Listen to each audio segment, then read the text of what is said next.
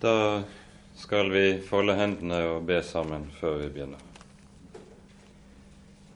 Ja, kjære gode Herre og Hellige Far. Så takker og lover vi deg fordi du har gitt oss ditt hellige evangelium, budskapet om din kjære Sønn og hans gjerning for synderes skyld. Takk, Herre Jesus, at det er sant, at du står inne for vår frelse med ditt eget liv og blod, og at ingenting hviler på oss og er avhengig av våre gjerninger.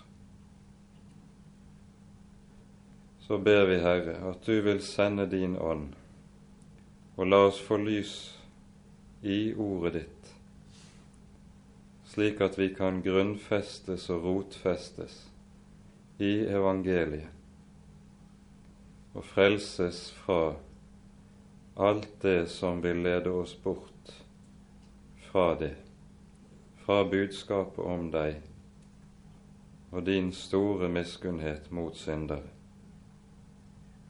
Kom, Herre, vær hos oss med din gode ånd og tal du. Det ber vi i Jesu navn, og takker og lover deg, Herre, fordi du er god, og fordi din miskunnhet varer til evig tid. Amen.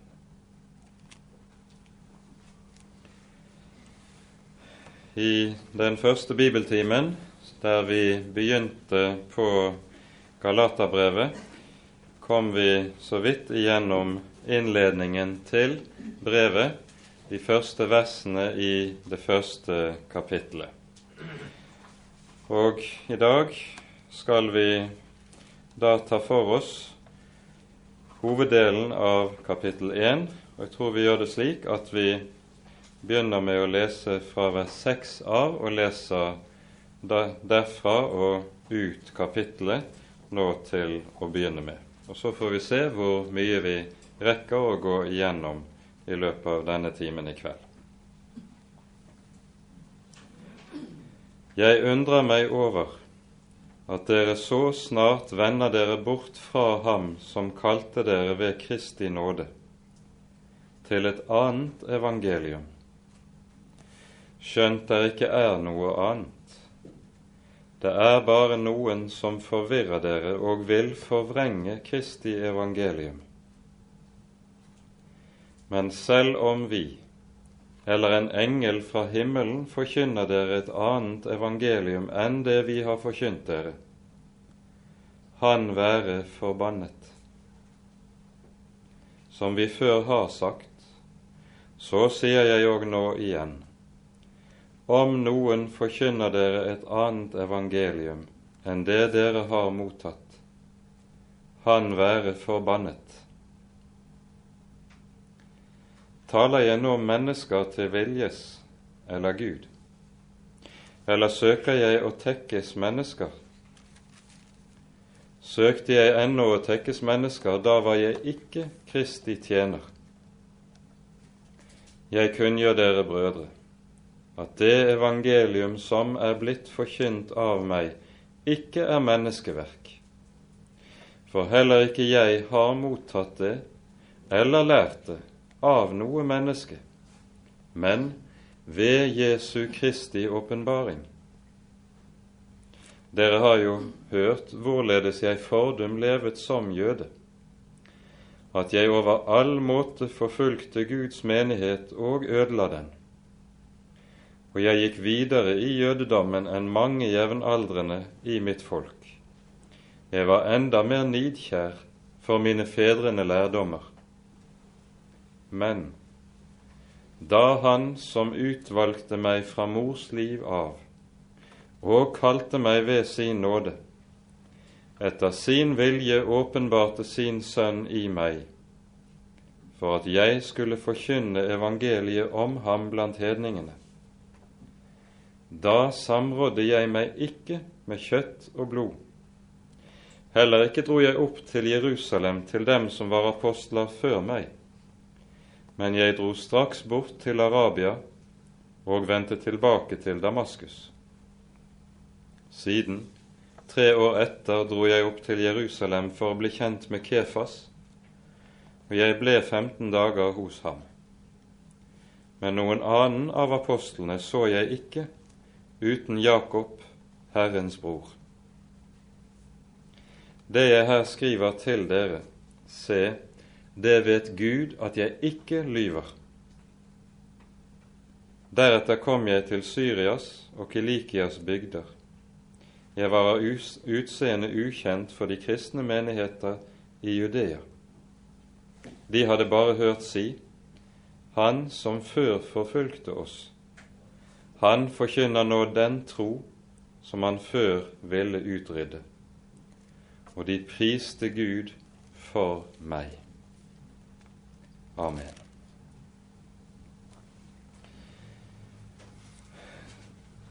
Som vi pekte på forrige gang, så kommer noe av Galaterbrevets særpreg til uttrykk, ikke minst i det som apostelen skriver i vers 6, og som vi leste innledningsvis nå.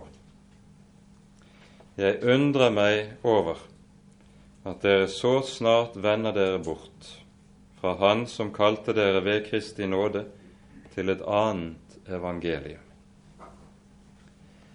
Grunnen til at dette er så særpreget, det er jo at i alle de øvrige av apostelens brev som han skriver, der begynner brevene alltid med en takksigelse til Gud for den nåde Gud har gitt menigheten ved troen på Kristus.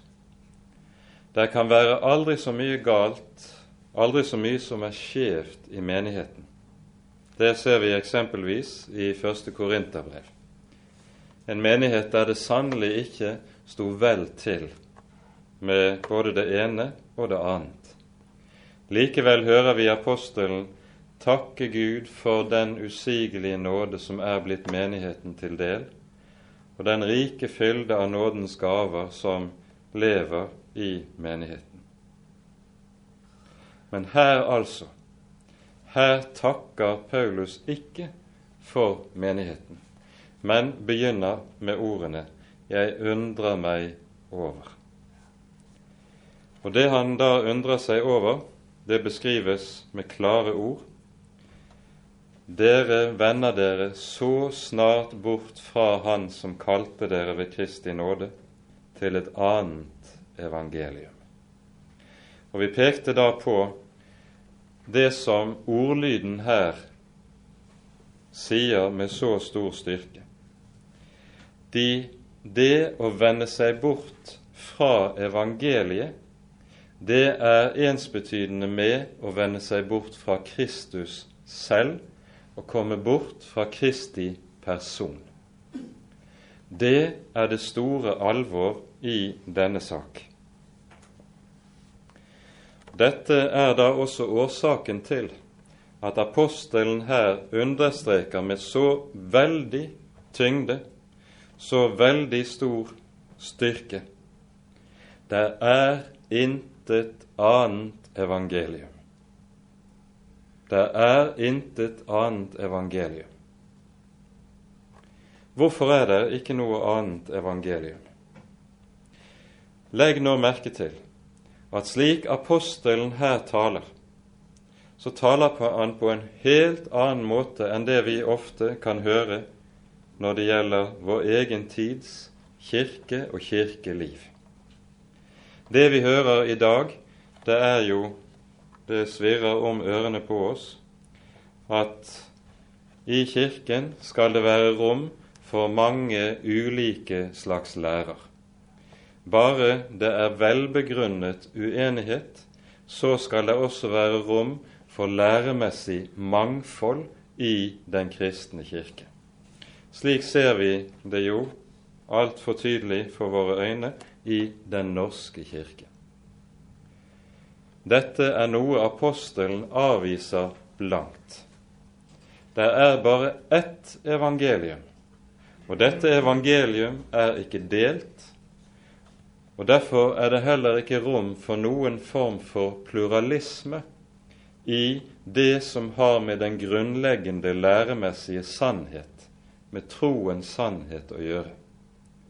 Paulus sier, som han her gjør, det er ikke noe annet evangelium. Og Dette understrekes med så stor tyngde. Vekten i det vi her hører, det understrekes også av apostelen Johannes flere steder i hans brever. Her har jeg bare lyst å henlede oppmerksomheten på det som sies i 2. Johannes brev i det åttende og niende og tiende verset. Her leser vi slik.: Ta dere i vare, at dere ikke mister det dere har vunnet ved deres arbeid, men at dere kan få full lønn. Og så kommer det. Vær den som slår inn på avveie og ikke blir i Kristi lære, han har ikke Gud.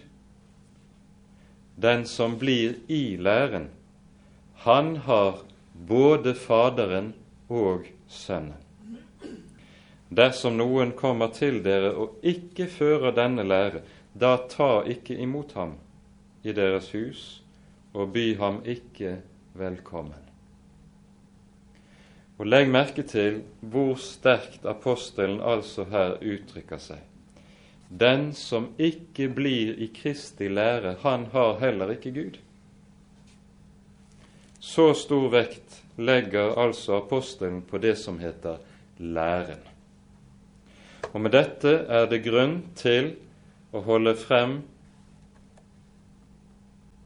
imot den oppfatning som altfor ofte lyder populært i ulike sammenhenger når man hører det sies det er ikke læren det kommer an på, men livet. Her hører vi apostelen, både Paulus og Johannes, understreker at det sannelig kommer an på læren. Den som ikke har læren, ikke blir i læren, han har heller ikke Faderen og Sønnen, sier Paulus, sier Johannes. Å komme bort fra ordet i evangeliet er å komme bort fra Herren selv. Det som er saken, er nemlig den at vel er det slik at lære uten liv, det er falskhet. Men det er også sant, og det er Det nye testamentets undervisning om disse ting, der gis intet sant kristent liv uten rett lære. Blir læren falsk, da blir også livet falskt. Derfor er det å ha klarhet i forkynnelsen og klarhet i læren avgjørende for den kristne menighet. Det er ingenting Guds folk skal være mer nøye på enn nettopp klarheten i læren. Det er vilkåret for sunnhet i troen.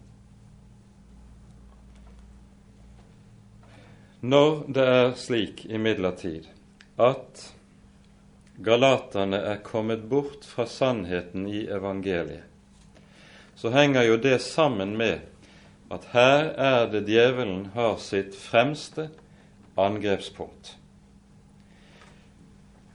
Her arbeider djevelen på nøyaktig samme måte som han gjorde med de to første mennesker, har Gud virkelig sagt. Det djevelen alltid søker å gjøre, det er å få mennesket bort fra ordet. Kan han bare få det til, enten det nå er på den ene eller på den annen måte, da kan han siden få oss akkurat dit det passer han. Derfor er det også slik at Guds ord, læren, om vi så vil, det er også djevelens fremste angrepspunkt. Der, derfor er det også slik at der Guds ord lyder klart, med styrke og med, slik at det blir lys i evangeliet, lys for hjertene, der vil det med en gang nødvendighet, med nødvendighet også være slik at da vil djevelen med en gang melde seg, søke å forkvakle det, ødelegge det og tuske det bort. Og da skal vi legge merke til det som her sies i det syvende verset. Det er ikke noe annet evangelium. Det er bare noen som forvirrer dere og vil forvrenge Kristi evangelium. Det ordet som grunnteksten bruker for å forvrenge, det betyr egentlig å snu opp ned, snu på hodet. Det er det djevelen søker å gjøre, vende alle ting opp ned så det kommer ut av lage. Det uttrykket som er oversatt med 'å forvirre', det betyr rett og slett å miste orienteringsevnen. Der evangeliet, der Guds ord forkvakles, der mister man også den åndelige orienteringsevnen. Det skal vi legge merke til. Da, kan, da har liksom kompasset mistet den magnetiske polen som gjør at du kan styre etter det. Og så går det sånn som det gjør når du ikke har kart og kompass i fjellet. Man går uvegerlig vill. Det er uttrykket som brukes her. Når det gjelder det vi her er inne på, og dette som Paulus behandler i Galaterbrevet, så er det slik at vrang lære i forhold til det vi her står overfor, det ytrer seg gjennom alle tider i form av to grunntyper. For det, Paulus, det som er Paulus sin hovedsak i Galaterbrevet, det er å søke å undervise menigheten i hva som er den rette forkynnelse av og forståelse av lov og evangeliet. Det er det det handler om. Det er det som er Galaterbrevets tema. Når djevelen da kommer og skal ødelegge dette, så gjør han det gjerne på én av to måter. Enten på den måten at han setter loven ut av kraft og søker å gi et evangelium som er uten lov. Det som da skjer, det er at det settes en tykk strek over Guds hellighet. Og du får et evangelium som er av samme type og av samme art som det du møter hos de falske profeter i Det gamle testamentet. Grunntypen av dette står særlig godt skildret hos profeten Jeremia i det 23. kapittel, og vi kan bare lese et vers eller to derfra. De falske profeter sier, leser vi slik i Jeremia 23, 17. De sier atter og atter til dem som forakter meg. Herren har sagt, dere skal ha fred. Og til hver den som følger sitt eget håre hjerte, sier de, det skal ikke komme noen ulykke over dere. Det man altså kan si, det er at disse forkynner evangelium uten lov. De forkynner kjærlighet, de forkynner fred fra Gud, men alt sammen uten omvendelse. Den moderne typen av dette finner vi igjen i det som gjerne sies, at evangeliet handler om at Gud godtar deg slik som du er. Det har vi hørt mange ganger, alle sammen. Det er ikke sant. Gud, Gud godtar oss aldeles ikke slik som vi er. Hadde han gjort det, da hadde Jesus aldeles ikke behøvd å lide døden på korset i vårt sted. Det er jo nettopp derfor Jesus må lide døden. Fordi den hellige Gud ikke kan godta oss slik som vi er. det er et falskt evangelium. Det Skriften lærer oss, er at Gud elsker oss slik som vi er, og nettopp av den grunn gir sin sønn i vårt sted. Men han godtar oss ikke slik vi er. Han godtar oss for Jesus skyld. Det er evangeliet. Den andre grunntypen i, av forvrengning av dette er hvor budskapet om Jesus skyves i bakgrunnen, slik at loven på ulike vis rendyrkes. Det som da skjer, det er at det settes opp ulike betingelser og vilkår som mennesket må oppfylle for at det kan regnes som et Guds barn. Disse betingelsene og vilkårene kan skifte til ulike tider og med ulike åndelige retninger, men felles for disse retninger er alltid at det sier hvis du bare gjør slik og slik, hvis du bare er slik og slik, da kan du være et Guds barn. Og så får menneskene i oppgave å streve med å gjøre det ene eller det annet for å bli slik man skal være for å være en rett kristen. Da er det en kommer inn under loven.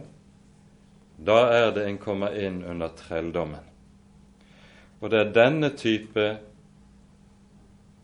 grøft som galaterne er falt i. Og Det som da skjer, er at de nettopp kommer bort fra evangeliet. Paulus sier da med stor styrke det er ikke noe annet evangelium enn det de har hørt. Hvorfor er det ikke noe annet? Det henger sammen med det grunnleggende som Den hellige Skrift lærer oss om hvem Gud er. Og dette skal vi være klar over. Budskapet i Guds ord, det er en åpenbaring av hvem Gud selv er. Og nå sier Gud om seg selv det er Guds navn som åpenbares. Han sier 'Jeg er den jeg er'. Det er Guds navn. Og Evangeliet er nettopp en åpenbaring av dette Guds navn, hvem den levende Gud er, i sin kjærlighet, i sin barhjertighet, i sin godhet. Å forkludre evangeliet og tukle med det ord Gud har åpenbart, det er å tukle med Gud selv og skape et falskt bilde av hvem Gud er. Nettopp dette er det vi hører Israel gjør i det gamle pakts tid. Du hører f.eks. om når Nordriket går under, slik det beskrives i 2. kongebok 17. kapittel, så sies det om Israel den gang. 2. kongebok 17, vers 9. Israels barn tilhyllet Herren sin Gud med ord som ikke var rette. Det vil si, med falske forklaringer av Guds ord skjulte de Guds sanne vesen. Legg merke til hvordan Skriften uttrykker seg. De tilhyllet Herren sin Gud med ord som ikke var rette.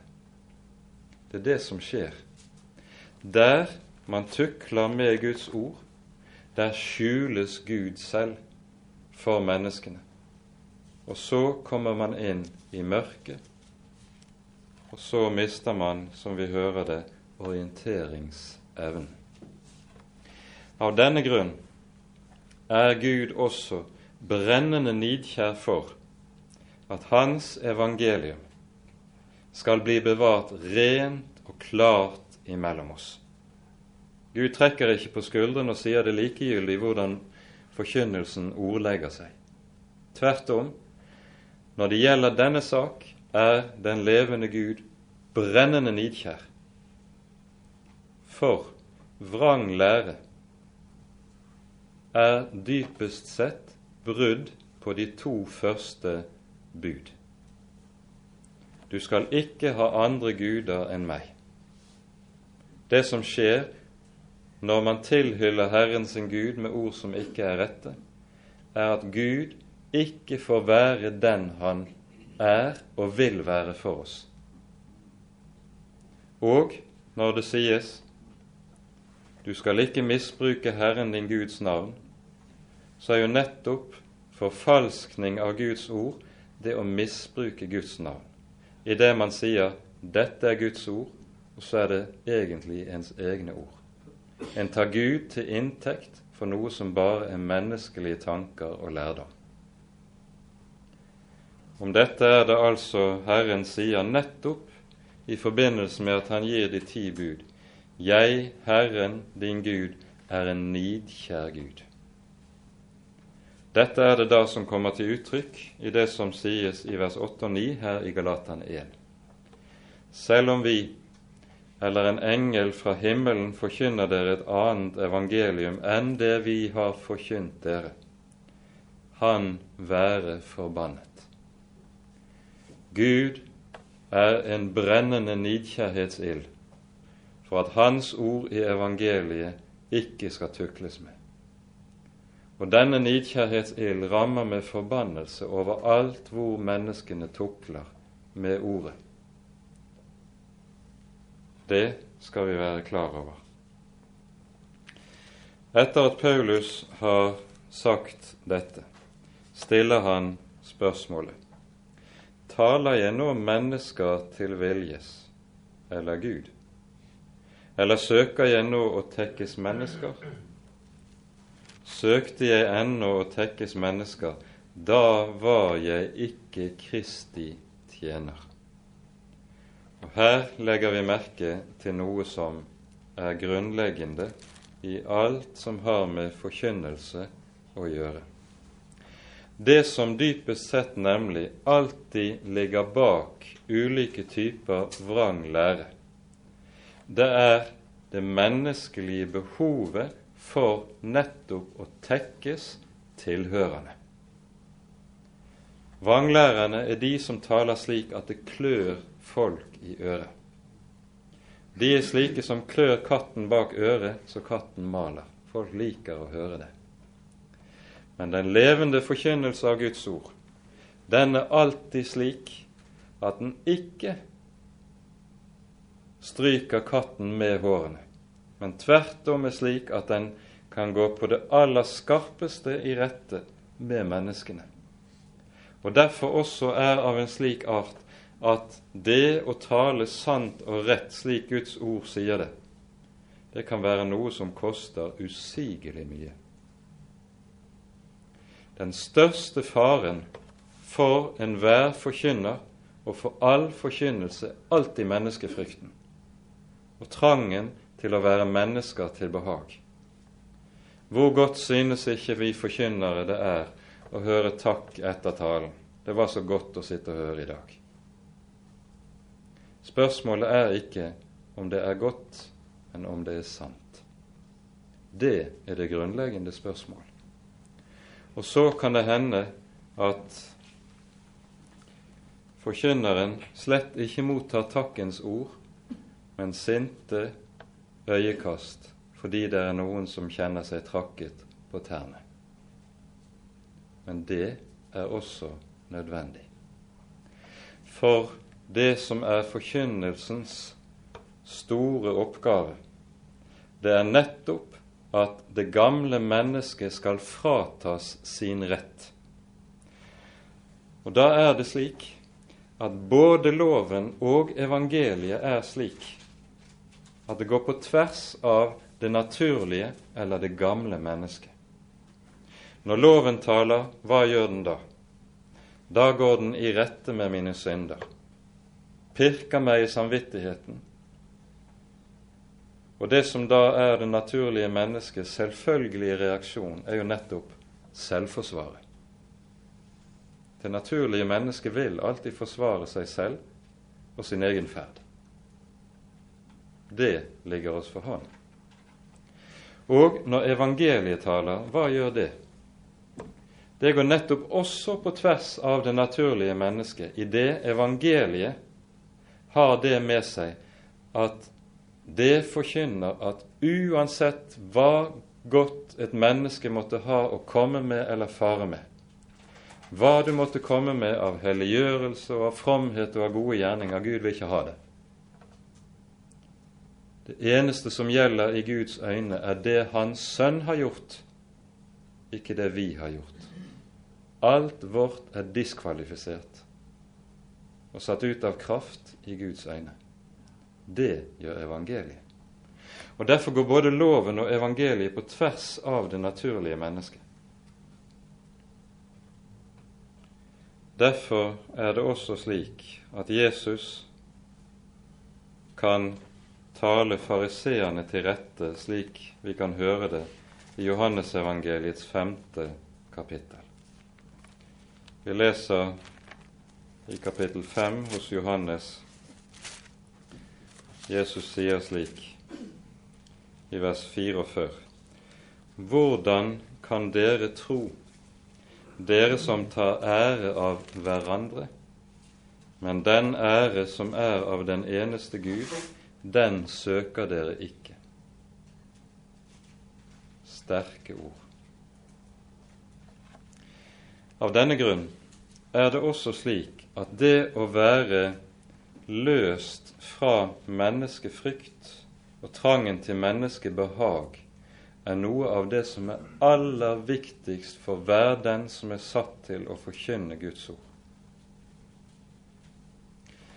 Derfor sier Paulus også i en av talene sine vi hører i apostelgjerningene, når han taler om hvorledes Jesus kalte han på veien utenfor Damaskus, så sier han, forteller han noe som ble sagt til han, og det nevner ikke Paulus i noen annen sammenheng.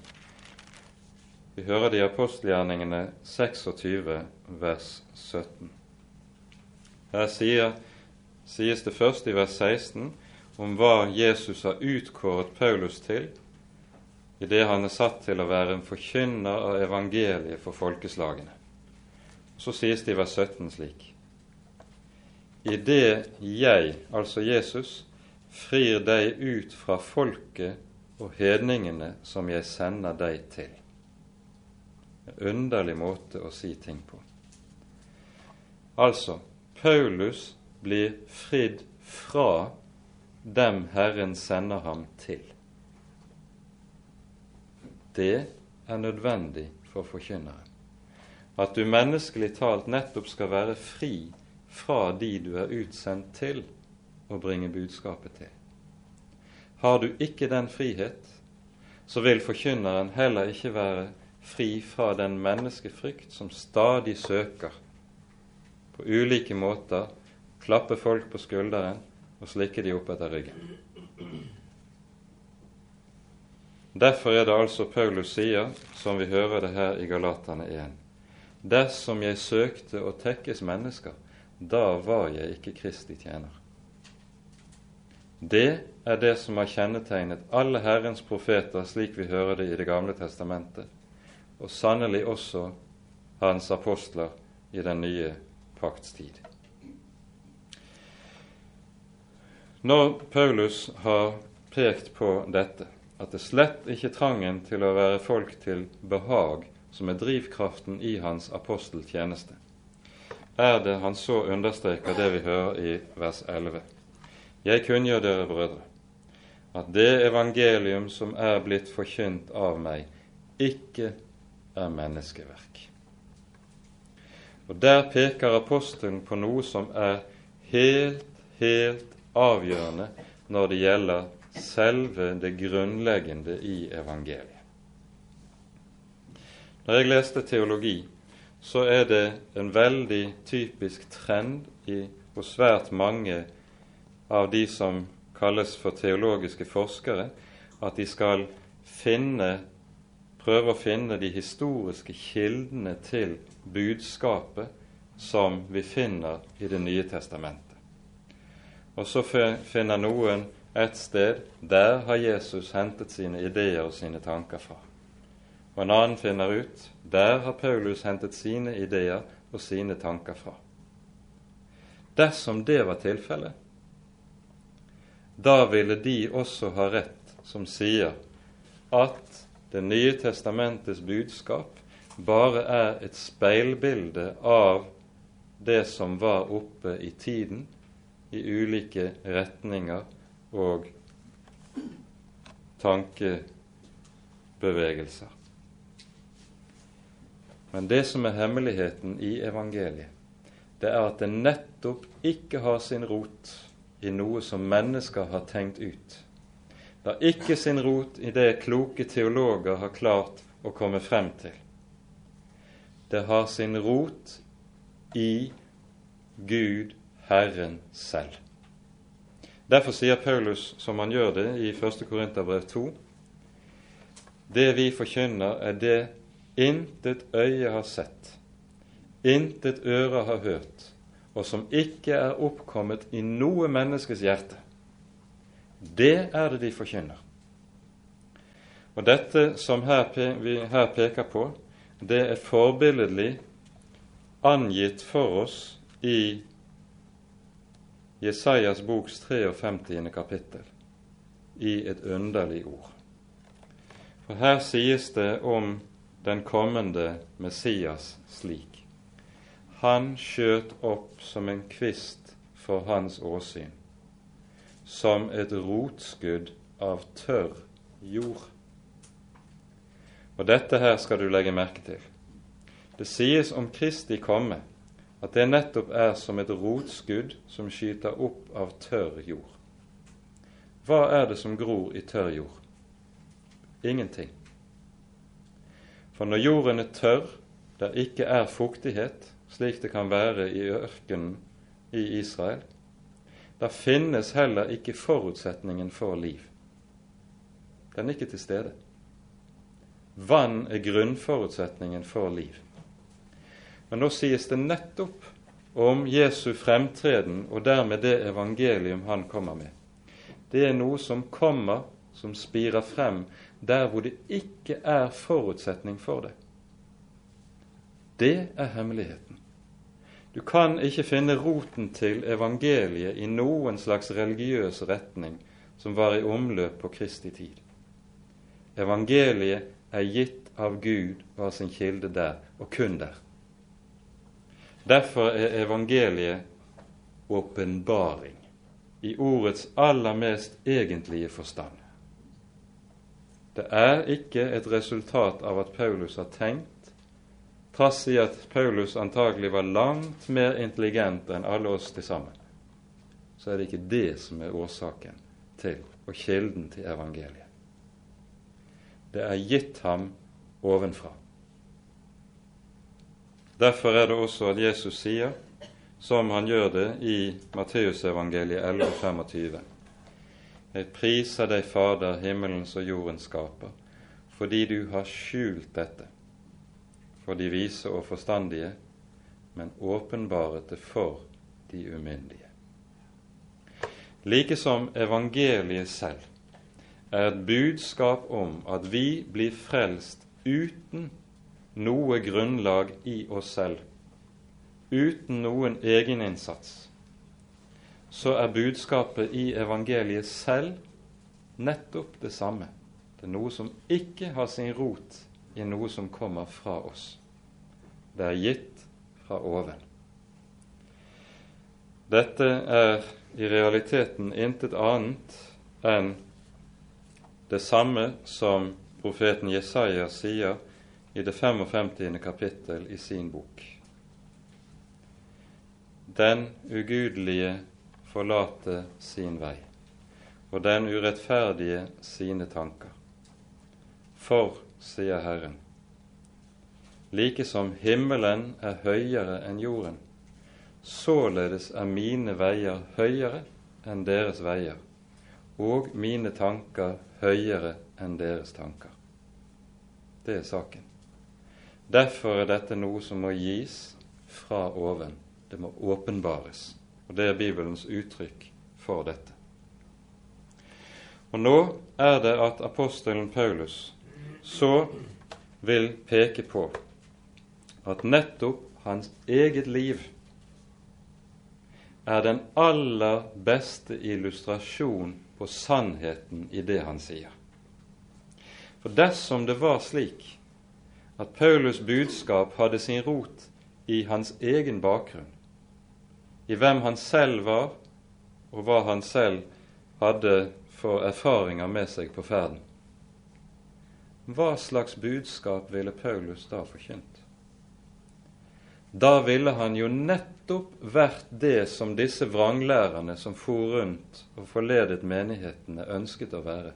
Han ville vært lovlærer. Det var Paulus' naturlige bakgrunn.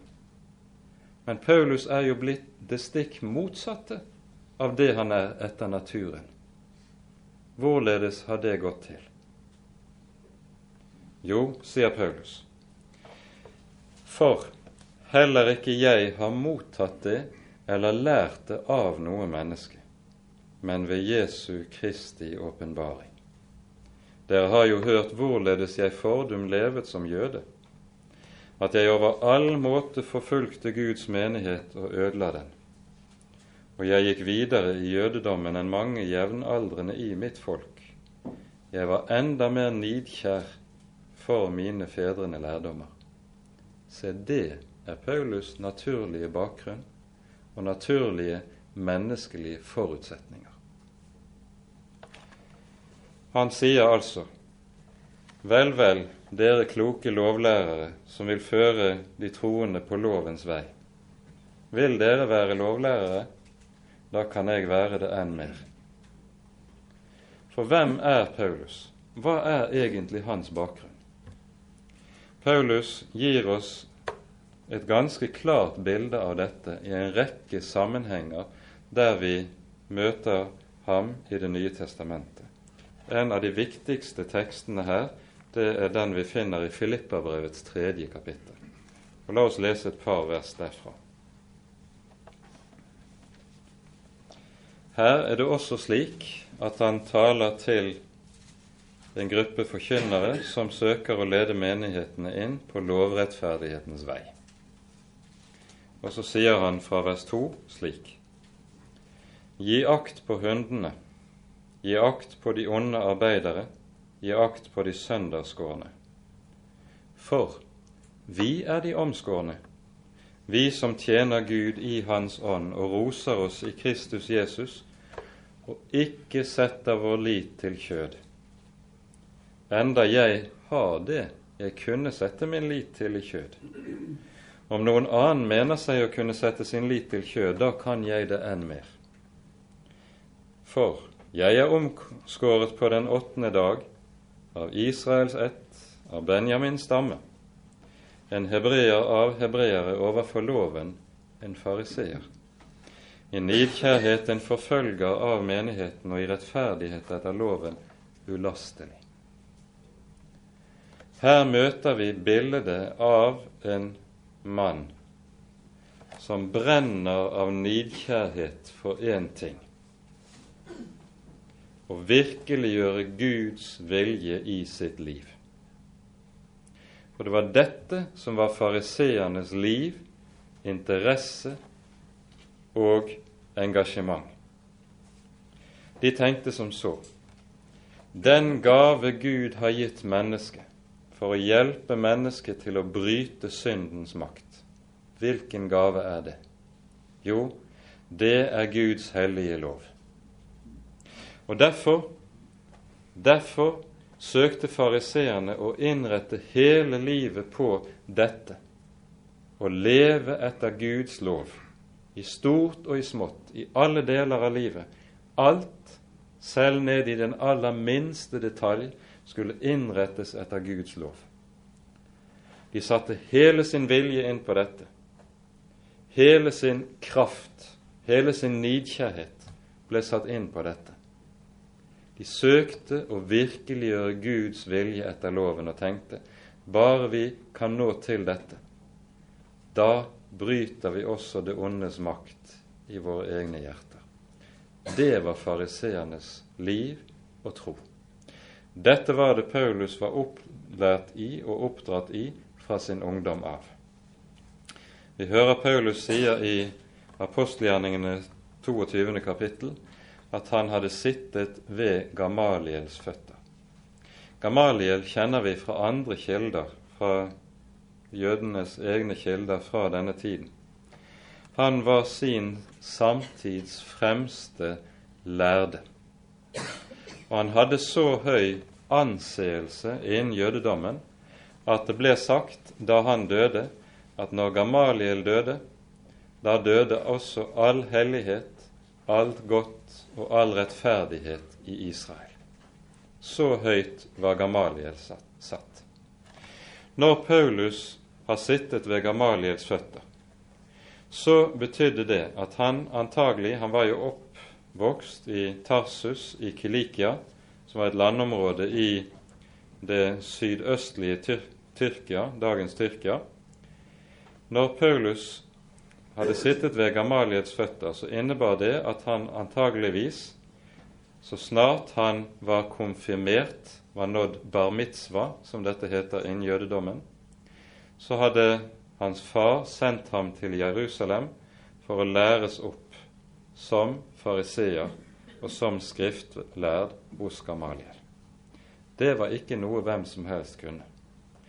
Og Det Paulus her får med seg, er sin samtids høyeste lærdom, og samtidig også sin samtids største fromhet og idealisme, om vi så kan bruke et slikt uttrykk.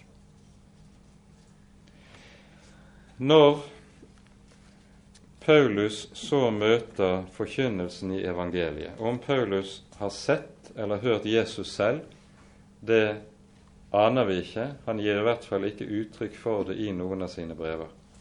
Når Paulus møter evangeliets forkynnelse gjennom apostlene, så opplever han dette sammen med fariseerne som det aller kraftigste angrep på det som var nettopp fariseernes fundament, troen på loven og rettferdigheten av loven.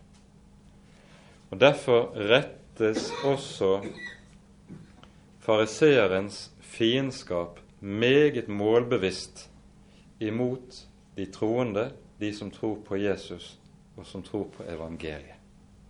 Fariseerne opplever det nettopp slik at evangeliet er noe som slår bena under alt det de har bygget livet sitt på og brenner for å virkeliggjøre.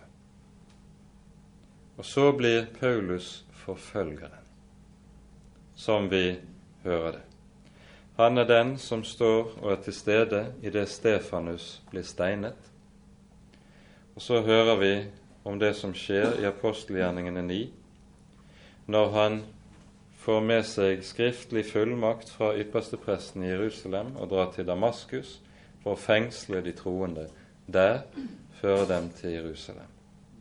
Her var det tale om, slik fariseerne og Paulus opplevde det, en farlig vranglære som førte det jødiske folk til frafall fra sin Gud og til frafall fra sine tradisjoner. Dette vil Paulus demme opp for dette vil han stanse. Og så, utenfor Damaskus, er det han møter Jesus. Paulus gir meget kortfattet uttrykk for dette møtet her i Galatane 1, slik vi hørte det. Da Han som utvalgte meg fra mors liv av og kalte meg ved sin nåde, etter sin vilje åpenbarte sin Sønn i meg, for at jeg skulle forkynne evangeliet om ham blant hedningene. Da samrådde jeg meg ikke med kjøtt og med blod. Han understreker på ny evangeliet er gitt ham ved åpenbaring. Hva er det egentlig som skjer utenfor Damaskus med Paulus? Det skjer tre grunnleggende ting. For det første når Paulus, i det Jesus åpenbarer seg for ham i et strålende lys, så slås Paulus til jorden. Hva er det da som slås til jorden? Ikke bare Paulus som person rent fysisk utenfor Damaskus. Men sammen med dette så slår Jesus hele Paulus sitt liv, hans fromhet, hans lovrettferdighet, alt han overhodet hadde bygget livet sitt på, det slår Jesus i stykker. Det er det som faller til jorden der utenfor Damaskus. Og Derfor er det også slik at det mørket Paulus blir sittende i Han blir også fysisk blind i tre dager, husker vi. Men denne blindhet, den er også en anskueliggjøring av det mørke Paulus nå kommer inn i. Det består jo i at Jesus bokstavelig har slått bena under alt han har levet på og levet for. Da kommer et menneske i dyp nød. Da er det ikke spøk å leve lenger. Men det er nettopp det Jesus gjør. Jesus ødelegger hele Paulus fromhet, hele hans lovrettferdighet, alt han har bygget livet på. Og så ligger Paulus der, slått til jorden. Det er det første som skjer utenfor Damaskus. Paulus må innse at han har bygget sitt liv på et falsum. Det andre som skjer, det er at han møter den oppstandende. Og Hva er det egentlig som ligger i det at Paulus møter den oppstandende? For det første ligger det jo dette at når han møter den oppstandende, så møter han den som fariseerne og alle jødenes ledere hadde sagt det de kristne forkynner, er et bedrag. Han er ikke oppstått av de døde. Det er bare disiplene som har stjålet hans legeme og sier at han er stått opp. Det var det som var den jødiske ryktet som ble satt ut, og det trodde Paulus selv på. I og med at Paulus her stilles ansikt til ansikt med den oppstandende Jesus Kristus, så må han se to ting. Jesus er virkelig stått opp. Det er ikke en løgn og et bedrag. Tvert om, det er mitt liv som er et løgn og et bedrag. For det andre, i og med at han stilles ansikt til ansikt med den oppstandende, så må han også innse det som oppstandelsen bærer bud om, og som understrekes i Romerbrevets første kapittel, det fjerde verset. Her taler Paulus om evangeliet og sier slik Evangeliet er om Hans sønn, Guds sønn, som ved hellighets ånd er godtgjort å være Guds veldige sønn ved oppstandelsen fra de døde. Jesu oppstandelse har nemlig en bestemt funksjon i Guds frelsesplan. Den er Guds eget seil på at forsoningen er fullbrakt. Den er Guds eget seil på at Jesus er den han ga seg ut for å være, Guds veldige sønn. Oppstandelsen er Guds seil på evangeliets sannhet. Og Derfor understreker også Det nye testamentet med så veldig stor styrke og klarhet dette at oppstandelsen er et historisk faktum. Det er ikke bare en åndelig realitet. At disiplene har sett en visjon. Nei, graven er tom. Der er intet legeme der. Det døde legeme er det kommet liv i. Jesus er fysisk, historisk gått ut av graven. Derfor er det også at Jesus kan vise frem naglemerkene og si:" Se her min hånd, stikk din finger i merkene. Oppstandelsen er Guds seil på hele Jesu fullvakte frelsesverk. For det tredje innebærer det som skjer utenfor Damaskus, at Paulus her åpenbares hemmeligheten i evangeliet. Hvorledes? Paulus har vært en forfølger. Paulus har vært en som har levet hele sitt liv i det største selvbedrag. Og når han har forfulgt Kristi menighet, så har han til og med gjort det i den tro at han gjør det som er rett og godt i Guds øyne. Vi skal merke oss, og dette er en sannhet som er blitt skremmende aktuell i våre dager, et menneske gjør aldri så mye ondt som når det mener seg å ha retten på sin side. Det er slik terrorister kan begrunne sine handlinger. De tror de har retten på sin side og utfører de forferdeligste gjerninger uten i det hele tatt å ha noe samvittighet eller skrupler. Nettopp denne ånd er det som har besjelet også en Paulus. Fordi han hadde retten, så kunne han slå i hjel, kunne han forfølge, kunne han pine og plage de som hørte Herren til. Hva er det så som skjer? Så møter han Herren, må innse jeg har tatt feil. Alt jeg har trodd og levet for, har jeg tatt feil. Og så vil han ganske naturlig også måtte tenke som så slik som jeg har stelt meg, må Herren fortjener jeg ikke annet enn at Herren møter meg med sin dom, med sin straff og med sin gjengjeldelse. Dette er jo en synd som senere i livet kommer til å plage Paulus hele veien. Jeg har forfulgt Guds menighet. På ny og på ny ser vi han komme tilbake til dette i sine brev. Men underlig nok, Herren møter ham ikke med straff. Herren møter ham ikke med gjengjeldelse. Han møter ham med ren og med ublandet nåde. Betingelsesløst og vilkårsløst. Om dette skriver Paulus i 1. Timotius brev slik. Og dette er ord vi sannelig skal ha grunn til å merke oss meget nøye. Han skriver slik i kapittel 1, vers 15 og 16. Det er et troverdig ord og fullt verd å motta at Kristus Jesus kom til verden for å frelse syndere, og blant dem er jeg den største. Og så kommer det men derfor fikk jeg miskunn for at Jesus Kristus på meg først kunne vise hele sin langmodighet til et forbilde for dem som skulle tro på ham til det evige liv.